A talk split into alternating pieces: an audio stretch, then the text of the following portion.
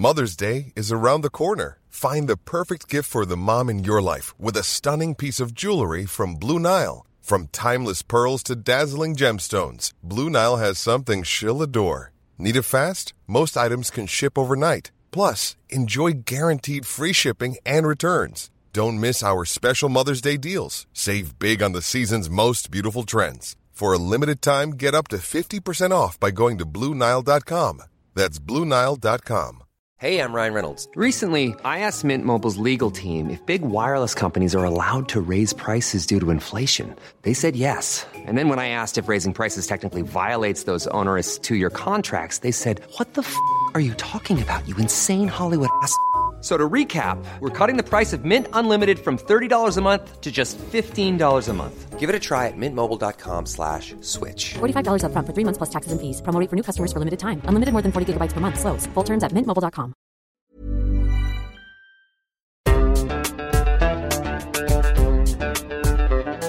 Podcast solved.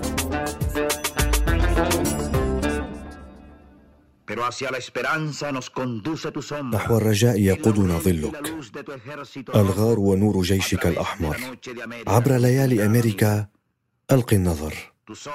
عيناك اللتان تراقبان ما وراء البحار. وراء الشعوب المظلومة الجريحة ما وراء المدن السوداء المحروقة ولد صوتك من جديد ولدت يدك من جديد. جيشك يدافع عن الرايات المقدسة. الحرية تهز الأجراس الدموية ويسبقها صوت حزن رهيب. فجر أحمر بدم الإنسان. المحرر. الليبرتادور. ولد عالم من السلام بين ذراعيك. ولدت سلاما وخبزا وقمحا من دمنا الصغير. من دمك سيأتي السلام والخبز للعالم.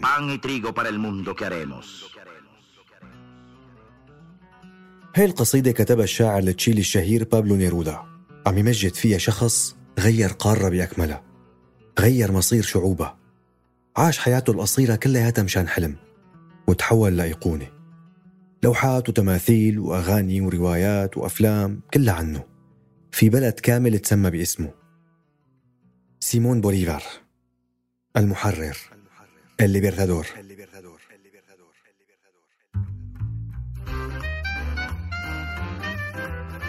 شو رأيكم يا شباب؟ نسميه من بيت؟ لا بالمرة سميه شجرة حبيبي. من بيت يا شباب. وين فكر حالك مزبوط معك حق مزبوط بس لا ليش حتى أنت يا شباب عم أفتح المعجم آه، من بيت من مرادفات كلمة أصل؟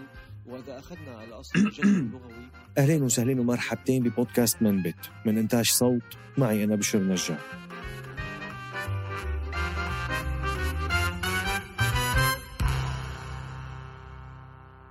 سنة 1580 وصل سيمون دي بوليفار المحاسب القانوني الملكي هو وعائلته على مدينة كاراكاس.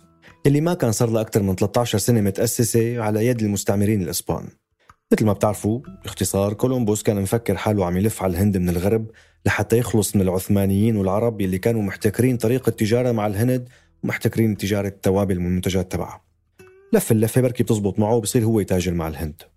قام وصل بالصدفة على أمريكا الوسطى سنة 1492 ببعثة إسبانية مولوها ملكة وملك إسبانيا. المهم عرفوا إنه هي قارة جديدة وبلشوا الإسبان والبرتغاليين معهم يبعثوا بعثات وجنود لحتى يسيطروا عليها خصوصا بعد ما سمعوا عن الذهب الموجود بهي الأراضي بأمريكا الجنوبية. عداكم طبعا عن أراضي أمريكا الوسطى الخصبة والماطرة التي تصلح بشكل ممتاز لزراعة القطن وقصب السكر المنتجين اللي كانوا بيطلعوا ذهب بهداك العصر. سيطروا الإسبان والبرتغاليين على القارة شوي شوي وبلشوا يأسسوا مدن منها كاراكاس عاصمة فنزويلا الحالية وبلشت الهجرات من إسبانيا والبرتغال باتجاه العالم الجديد. ومن هالمهاجرين صاحبنا سيمون دي بوليفار واحد من النبلاء. غني أموره بخير. وبدأ هو وأولاده وأحفاده من بعده يتملكوا بفنزويلا لحتى صاروا من أكبر العائلات ملاكي الأراضي بالقارة كلياتها. ومشيت السنين والقرون لحتى واحد من أحفاده اسمه خوان بيثنتي بوليفار إي بونتي أندرادي تزوج بعمر ال 47 من صبية اسمها ماريا دي لا كونسيبسيون بالاثيوس إي بلانكو كانت بعمرها 15 سنة. يعني باختصار خوان تزوج ماريا. جابت له كذا ولد. وآخرهم كان اسمه سيمون خوسيه أنطونيو دي لا سانتيسيما ترينيداد بوليفار إي بونتي بالاثيوس بلانكو. ولد سيمون سنة 1783 بفنزويلا وقت كانت مستعمرة إسبانية. والمرحلة اللي ولد فيها كانت كتير متميزة على طرفي المحيط الأطلنطي. الطرفين كانوا عم يعيشوا فترة من الثورات والحراكات الشعبية. شي صار وخلص وشي كان على وشك يصير خلال طفولة بوليفار. حرب التحرير الأمريكية والثورة الفرنسية وأفكار الحريات والاستقلال عن الاستعمار كانت معبية الأجواء. بنهاية القرن الثامن عشر يعني آخر 1700 وبداية 1800 كان عدد سكان أمريكا اللاتينية حوالي 20 مليون نسمة. وهذا العدد هو ربع أو ثلث عدد السكان اللي عاشوا هنيك لما وصلوا الإسبان السكان الأصليين. بس الأوبئة أو الأمراض اللي جابوها معهم الإسبان والبرتغاليين. قتلت ملايين الناس من السكان الأصليين إنه ما كان عندهم مناعة ضدها. طبعا هذا عدا المذابح والقتل يلي ارتكبوه الإسبان والبرتغاليين فيهم.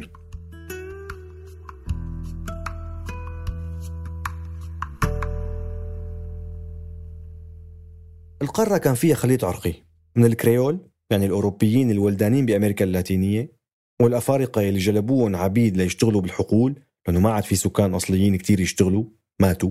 بالإضافة للسكان الأصليين وطبعا خليط بين كل هدول. اللي كان مسيطر سياسيا واقتصاديا طبعا الكريول ذوي الأصول الأوروبية.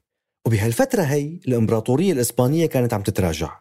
طرق التجارة تبعها كانوا البريطانيين عم يسيطروا عليها والثروات والذهب والفضة بأمريكا الجنوبية أخذوا منهم كتير ما عاد في كتير أصلا. وإسبانيا أساسا ما عاد لها وزن كتير بأوروبا.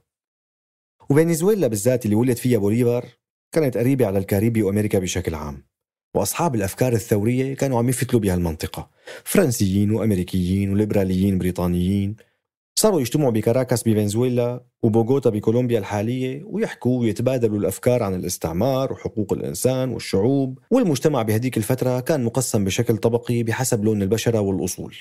طبعا السود والسكان الأصليين كانوا بأسفل الهرم. وبالتالي الجو اللي ربي وكبر فيه سيمون بوليفار كان عم يتهيأ لتغييرات كثيرة وما كان بيعرف إنه هو رح يكون واحد من اللي رح يعملوا هالتغيير بل أهمهم. بعد ما ولد بشوي مات أبوه بالسل. كان عمره ثلاث سنين ولحقته أمه لما كان عمره تسع سنين بنفس المرض. وورث أموال ما بتاكلها النيران. تجارة العيلة وأراضي وقصب سكر وكاكاو ومواشي ومن مجاميعه. عاش مع عمه يلي كان وصي على أملاكه وجاب له عمه معلم اسمه سيمون رودريغيز ليتولى تعليمه. رودريغيز المعلم هاد كان متأثر كتير بأفكار التنوير اللي طلعت بأوروبا وخصوصا بفرنسا بهديك الفترة. أفكار مفكرين مثل مونتسكيو وجان جاك روسو اللي حكوا كتير بحقوق الإنسان والديمقراطية ونقد حكم الفرد والتسلط. وكبر بوليفار وهو عم يتشرب هالأفكار من أستاذه. ولما صار عمره 16 سنة قرر عمه يبعته على إسبانيا ليشوف الدنيا ويتعلم. وهونيك كانت أموره بخير. مدلل وصل لبلاط ملك إسبانيا وكان يحضر صالونات النقاشات بالسياسة والثقافة والأفكار التازة اللي كانت منتشرة بعد الثورة الفرنسية مثل ما حكينا. حتى إنه سنة 1802 راح على باريس وروق على الأجواء اللي كانت بعد الثورة. الناس كلها عم تحكي بالموضوع، تحرر من الاستبداد وحكي بحقوق الناس. كان عم ينشحن حرفيا بهالأفكار هي وعم تساهم بتكوينه. بمدريد تعرف على صبية اسمها ماريا تيريزا وتزوجها ورجع هو وياها على كاراكاس مسكينة ما قعدت سنتين وماتت بمرض الملاريا. وحلف ما يتزوج بعدها أبدا. وهو فعلا ما تزوج بعدها بس عرف بتعدد علاقاته وعشيقاته المهم كان عمره هون حوالي 20 سنة. شاب صغير صارت معه تجارب كتيرة. تيتم على بكير تزوج وماتت زوجته بسرعة. سافر شاف تعلم ورجع بس ما شبع. قرر يرجع يسافر على أوروبا. كان حاسس إنه لسه بده يعيش تجارب أكثر ويعرف أكثر سافر على باريس مع أستاذه رودريغيز وضل هناك كذا سنة. سنة 1805 مثلا حضر تتويج نابليون بمدينة ميلان كملك على إيطاليا. نابليون نصب حاله إمبراطور على فرنسا بشكل عام. بعد سنوات الفوضى تبع الثورة طلع بالجيش شوي شوي وترقى لحتى صار الكل بالكل الآمر الناهي. وما في غير عم يقوى عسكريا ويتوسع بأوروبا. بوليفارو بعد ما خاض كل هالتجارب وشاف وتعلم صار عنده قناعة أنه بده يحرر أمريكا اللاتينية أو أمريكا الإسبانية مثل ما كانوا بيسموها. كان بده يحررها من الاستعمار والحكم الإسباني. يقال ويرجح أنه أسطورة أنه وقف هو وأستاذه رودريغيز على جبل مونتي ساكرو بروما وأقسم أنه يحرر بلاده من الاحتلال الإسباني. كان كتير متأثر بنابليون بونابرت ونابليون ما خيب ظنه. عمل شيء مهد له الطريق باتجاه بداية رحلته الطويلة بتحرير جزء كبير من أمريكا اللاتينية من الاحتلال الإسباني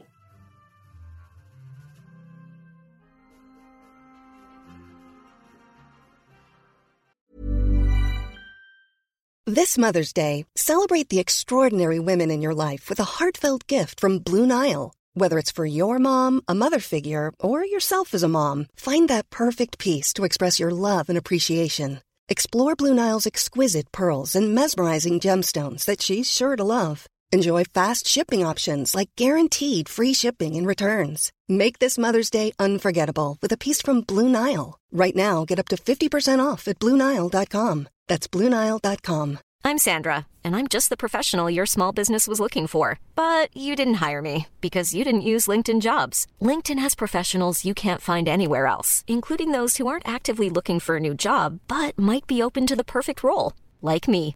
In a given month, over 70% of LinkedIn users don't visit other leading job sites. So if you're not looking on LinkedIn, you'll miss out on great candidates like Sandra. Start hiring professionals like a professional. Post your free job on linkedin.com/people today.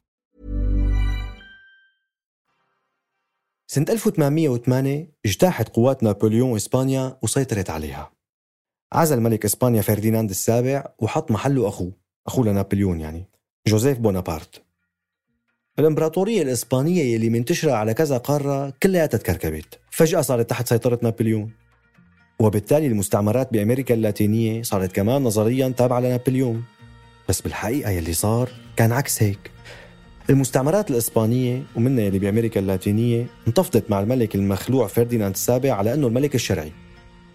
هي المستعمرات هي ملكية غرناطة الجديدة اللي بتغطي فنزويلا وكولومبيا والإكوادور وبنما وملكية ريو دي لا بلاتا اللي فيها حاليا دول مثل الأرجنتين، الأوروغواي، باراغواي، بوليفيا وأراضي من تشيلي وملكية البيرو. المهم بغياب السلطة الملكية كل وحدة من هالمستعمرات انتخبت ممثلين عنها عملوا دستور سنة 1810 ولغوا السلطة المطلقة للملك. الجماعة صحيح انتفضوا مع الملك الإسباني بس بنفس الوقت كانوا ناويين على أنه يكون عندهم استقلالية وما يضطروا يبعثوا جزء كبير من المحاصيل والأموال للملك بإسبانيا. وهالحراك اللي بدأ لدعم إسبانيا وملكها تحول بسرعة ليصير نضال للاستقلال عنا. وكأنهم كانوا عم يستنوا الفرصة. طبعا في نقطة مهمة ما لازم ننساها وهي أنه الكريول أو سكان أمريكا اللاتينية البيض ذوي الأصول الأوروبية خافوا. خافوا تماما لأنه ما كانوا يشكلوا أكثر من 20% من عدد السكان. هن الملاك والامتيازات كلها بإيدهم. بس خافوا من الحراكات كلها. قالوا لي ليقوموا العبيد يقوموا علينا. مثل ما عملوا بهايتي تحت قيادة توسان لوفرتور هذا واحد من العبيد هنيك بالكاريبي قاد ثورة على الفرنسيين اللي كان فيها جنود نابليون بونابرت. وانتصر واستقل بهايتي وعمل جمهورية. بالتالي الكريول بالمستعمرات الإسبانية حتى لما اشتغلوا مشان يستقلوا كانوا حذرين مشان ما يخسروا امتيازاتهم. بهالوقت المعقد والمليان أحداث رجع سيمون بوليفار على كاراكاس بفنزويلا وبلش رحلة طويلة كتير نحو هدفه البعيد التحرير والوحدة. سنة 1810 بكاراكاس قرر بوليفار يترك مجال شغل عيلته ويشارك بالأحداث السياسية. بهالسنة هي حاكم فنزويلا أجبر على الاستقالة لأنه اتهموه بأنه موالي لفرنسا اللي اجتاحت إسبانيا الأم. وتم استبداله بنخبة من الكريول يلي حاولوا يحافظوا على نفس شكل الحكم والامتيازات اللي عندهم. بس بالحقيقة الجماعة مثل ما قلنا ما كانوا أصلا ناويين يرجعوا لتحت الحكم الإسباني مثل ما رح نعرف سوا بعد شوي. خلال هالوقت تم ترقية بوليفر لحتى يصير كابتن وبعتوه على بريطانيا مشان يطلب مساعدتها في حال فرنسا حاولت تغزو أمريكا الإسبانية. بس بريطانيا نيمته وبعته شوية سلاح وقالت له روح ما كان بدها تتدخل. رجع على فنزويلا ليلاقي الوضع فيها صار معقد أكثر الرغبة بعدم العودة لسلطة الملك الإسباني كل ما عم تكبر. الأصوات عم تتعالى والموضوع صار علني. النخب والناس على حد سواء بدهم يستقلوا. وبوليفر سمع الكلام من هون طار عقله من هون. هي رغبته بالأساس. وبلش يحكي قدام الناس ويعبر عن هالرغبة. وتوج كل هالحكي بمشاركته بإعلان استقلال فنزويلا سنة 1811 عن العرش الإسباني. زعيم هذا الحراك كلياته كان ضابط اسمه ميراندا. ضابط شارك بالثورة الفرنسية وعاش ببريطانيا. زلمة معروف ومشهور ومهم اسمه محفور على قوس النصر بنص باريس. لما راح بوليفار على لندن زاره لميراندا وقال له تعال معي على فنزويلا. وميراندا اجى معه وفتح الطريق وصار أول رئيس لفنزويلا وجرب أول تجربة استقلال. بس ليش أول تجربة استقلال؟ لأنه الإسبان بعتوا حملة بقيادة الجنرال مونتيفيردي بعد سنة ليسترجعوا فنزويلا بمساعدة الموالين لهم بالبلد. واسترجعوا كاراكاس بعد سنة سنة 1812 وحلم بوليفار انهار بسرعة كبيرة واضطر يهرب من البلد. بس الإسبان بصراحة ما كانوا كتير مهتمين بالقبض عليه ما لاحقوه. اسمه ما كان كتير مشهور قدام الجنرال ميراندا. لهيك كانت حركته حرة شوي. بيهرب من مكان لمكان وأساسا نسيوه المهم راح على مدينة اسمها قرطاجنة أو كارتاخينا بكولومبيا الحالية وبلش يخطط لمحاولة استقلال تاني. ما بييأس. ترأس مجموعة من ألف جندي من الموالين لفكرة الاستقلال وبلش يتحرك معهم بالغابات على ضفاف نهر ماجدالينا وبراسه في فكرة واحدة. استلهمها من قراءته عن معارك لقادة عظماء بالتاريخ مثل يوليوس قيصر والإسكندر الأكبر. هالفكرة بتقول اضرب عدوك حيث لا يحتسب. بمكان ووقت ما بيتوقع تضربه فيهم. وبلش يهاجم المدن بفنزويلا واحدة ورا الثانية ويحررون وقدر ينتصر بكتير معارك على القوات الإسبانية ولو أنه كان عدد جيشه قليل. بس كان معلم تكتيك وضربات مفاجئة. وهي الانتصارات رفعت الروح المعنوية لكل حدا بده الاستقلال وبده يلقبوه بلقب المحرر الليبرتادور بالإسباني. فرق الجيش الإسباني واستحكموا بعدة أماكن وتقدم على عدة جبهات لحتى قدر يحرر كاراكاس مرة تانية ويدخلها دخول الفاتحين. بس للأسف هذا النصر كان ضعيف ورح يتأثر بسرعة بالأحداث اللي كانت عم تصير على الطرف الثاني من الكرة الأرضية.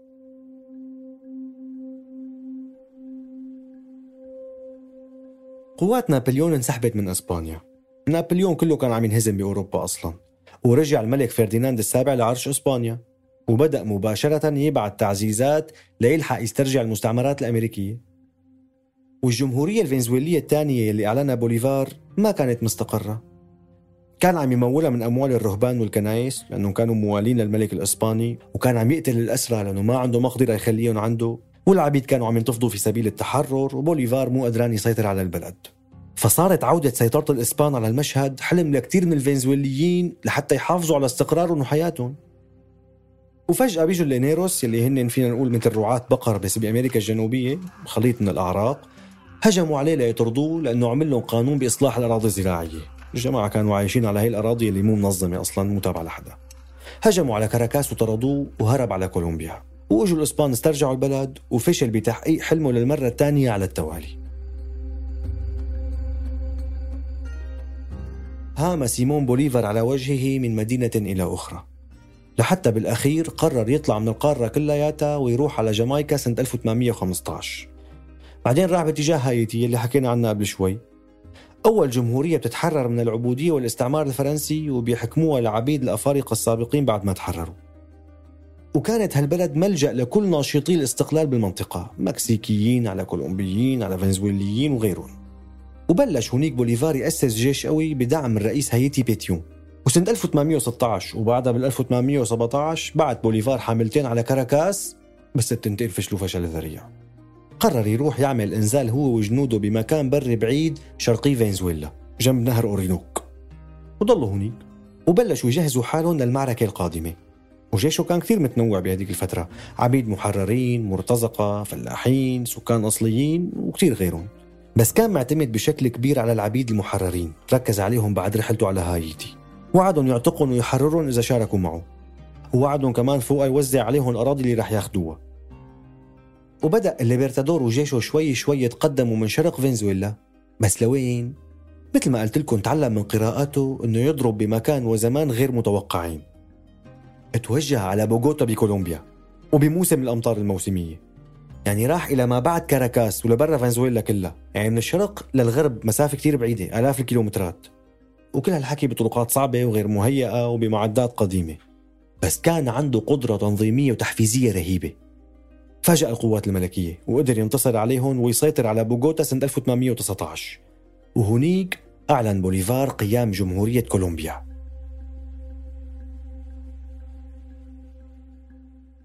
وبعد انتصاره ببوغوتا جند بوليفار المزيد من الرجال. ولحتى يمول الحرب حط إيده على ممتلكات الإسبان اللي انتصر عليهم وفوقها أخذ أموال من المدن اللي سيطر عليها ومن الكنائس والرهبان. وسنة 1821 تحرك بجيشه باتجاه فنزويلا. وهالمرة وأخيرا قدر يحررها ويحرر مدينته كاراكاس. مسقط رأسه. بعد انتصاره الساحق بمعركة كارابوبو. دخل منتصر على كاراكاس بعد خروجه منها مهزوم بثمان سنين بس. ضم فنزويلا لكولومبيا وصارت دولة واحدة كبيرة اسمها كولومبيا العظمى وتم إعلانه كأول رئيس لهي الجمهورية. وبالأثناء كانت المستعمرات الإسبانية بالأمريكيتين كلها تقريبا مشتعلة. المكسيك تحررت تحت قيادة هيدالجو وبالجنوب اندلعت الصراعات بالإكوادور وبوليفيا والبيرو لحتى يتحرروا من الاستعمار ويستقلوا. والأمور بإسبانيا ما كانت عم تساعد الملك كتير. بهالوقت هذا اضطر يتنازل ويقبل بنظام حكم برلماني بيأخذ منه صلاحيات بالحكم. وإرسال تعزيزات للأمريكيتين ما عادوا بالحسبان بالنسبة لإسبانيا. قلعوا شوككم بإيديكم. تقعد عاقل وتحاول ترسخ حكمك والاستقلال بهالبلد الجديد يا سيمون يا بوليفار؟ لا. مع إنه بهديك الفترة كان بدأ يعاني من السل نفسه السل اللي قتل أبوه وأمه. عم يتعب يعني بس ما بيهدى عبس. حشد وتحرك باتجاه الجنوب باتجاه الإكوادور سنة 1822 عنده حلم كبير بده يحققه.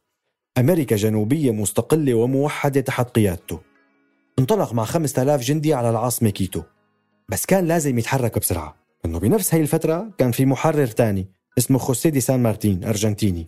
حرر تشيلي وكان عم يتحرك باتجاه البيرو عبر جبال الأنديز. والاثنين كانوا عم يتسابقوا ليوصلوا للإكوادور ويسيطروا عليها ويسيطروا فيها على أهم ميناء على المحيط الهادي. مدينة غوياكيل المهم بعد ست شهور بحملة بقيادة بوليفار ورفيقه سوكري قدروا يسيطروا على هذا الميناء. الإكوادور انضمت رسميا لكولومبيا الكبرى كولومبيا العظمى. والحلم كل ماله عم يصير حقيقة أكثر الهدف القادم كان البيرو بوليفيا اللي ما كان اسمها لسه بوليفيا. الوضع بهالمستعمرة اللي هي البيرو كان مختلف شوي. الإسبان قوايا. الكريول ما كانوا خايفين من تمرد العبيد. الخوف كان من السكان الأصليين اللي نسبتهم كبيرة بهالمستعمرة. وكانوا من نهاية القرن الثامن عشر عم يعملوا ثورات ويهجموا على البيض ويقتلوهم لهيك فضلوا الكريول يضلوا مع الإسبان هالفترة كلها لحتى يحافظوا على حياتهم ومصالحهم. بس وقت اجى بوليفار بحلم الاستقلال وقفوا معه لأنه كان ماشي وعم يسيطر وينتصر. وهن كانت فكرتهم إنه إذا استقلينا بنحافظ على الوضع الراهن وبيجي بوليفار بيخلصنا من الثورات والقتل. بوليفار ما كذب خبر. جند جنود تانيين وجمع الخيل والبارود وحتى جمع ورق الكوكايين مشان يصحصحوا الجنود اللي ممكن يتعبوا على الطريق بجبال الانديز الشاهقة مشان ما يتعبوا. واتجه باتجاه البيرو.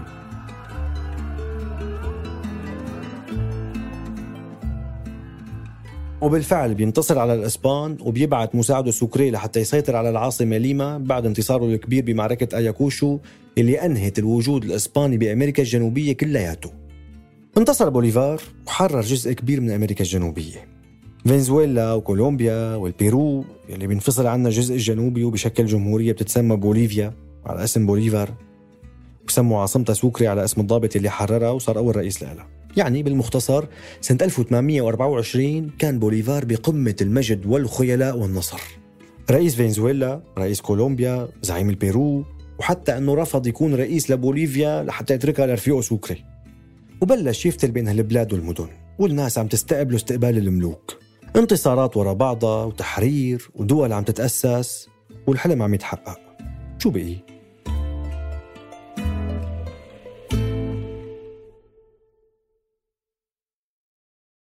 بالواقع ورا كل هالاستعراضات والأمجاد كان في كتير مشاكل.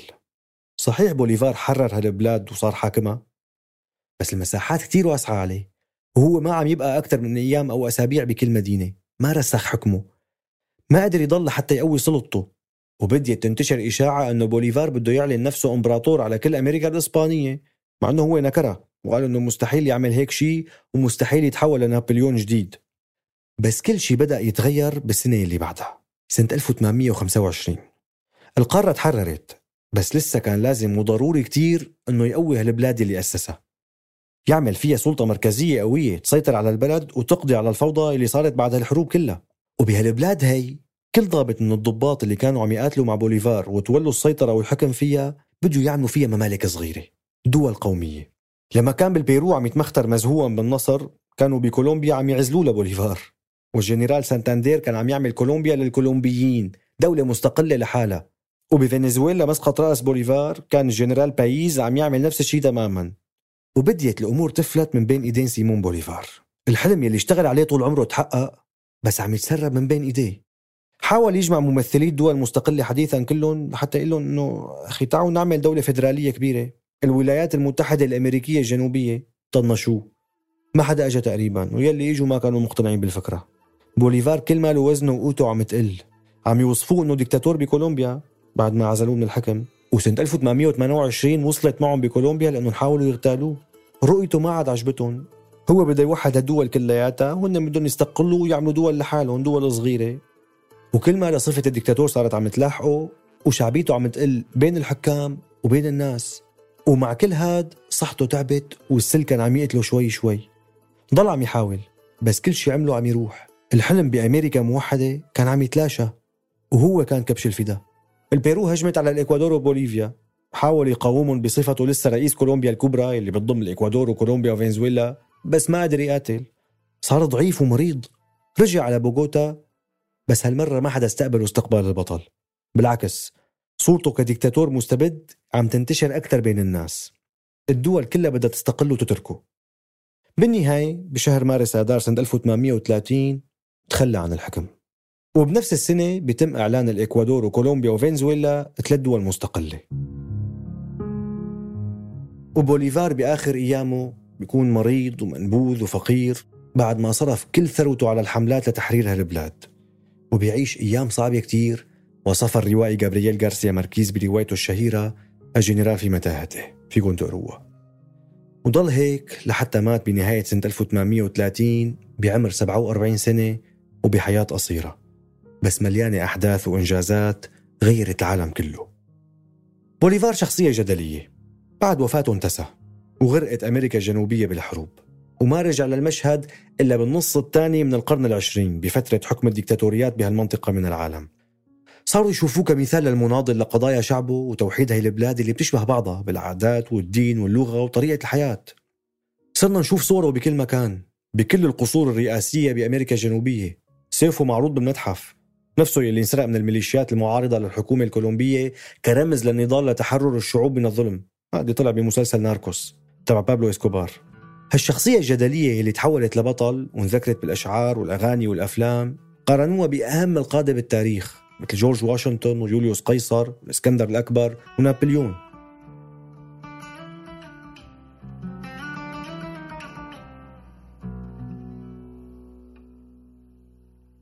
بس بنفس الوقت في عليه ملاحظات كتير. مثل إنه مثلا فعليا ما حرر العبيد مثل ما وعدهم وكان لما يجيبهم للعبيد ليقاتلوا معه يأمر بوضعهم في الخطوط الأمامية ليموتوا.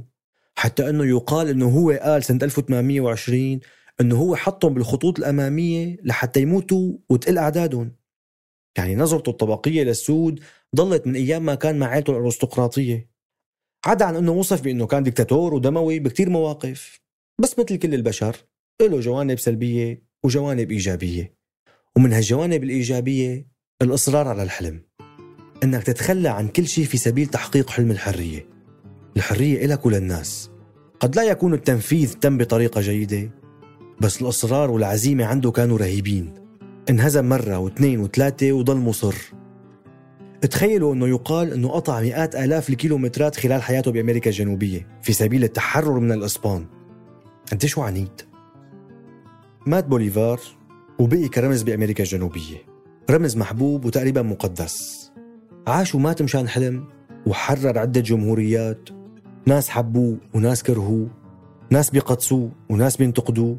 بس بالنهاية غير مصير قارة كاملة. كنت معكم من الكتابة والتقديم بشر نجار من المتابعة محمود الخواجة من التصميم الصوتي تيسير قباني فريق النشر والترويج عمر خطاب وبيان حبيب. ولتسمعوا حلقاتنا السابقة واللاحقة اشتركوا بقناة منبت على تطبيقات البودكاست والأغاني اللي بتفضلوها. بودكاست منبت من إنتاج صوت.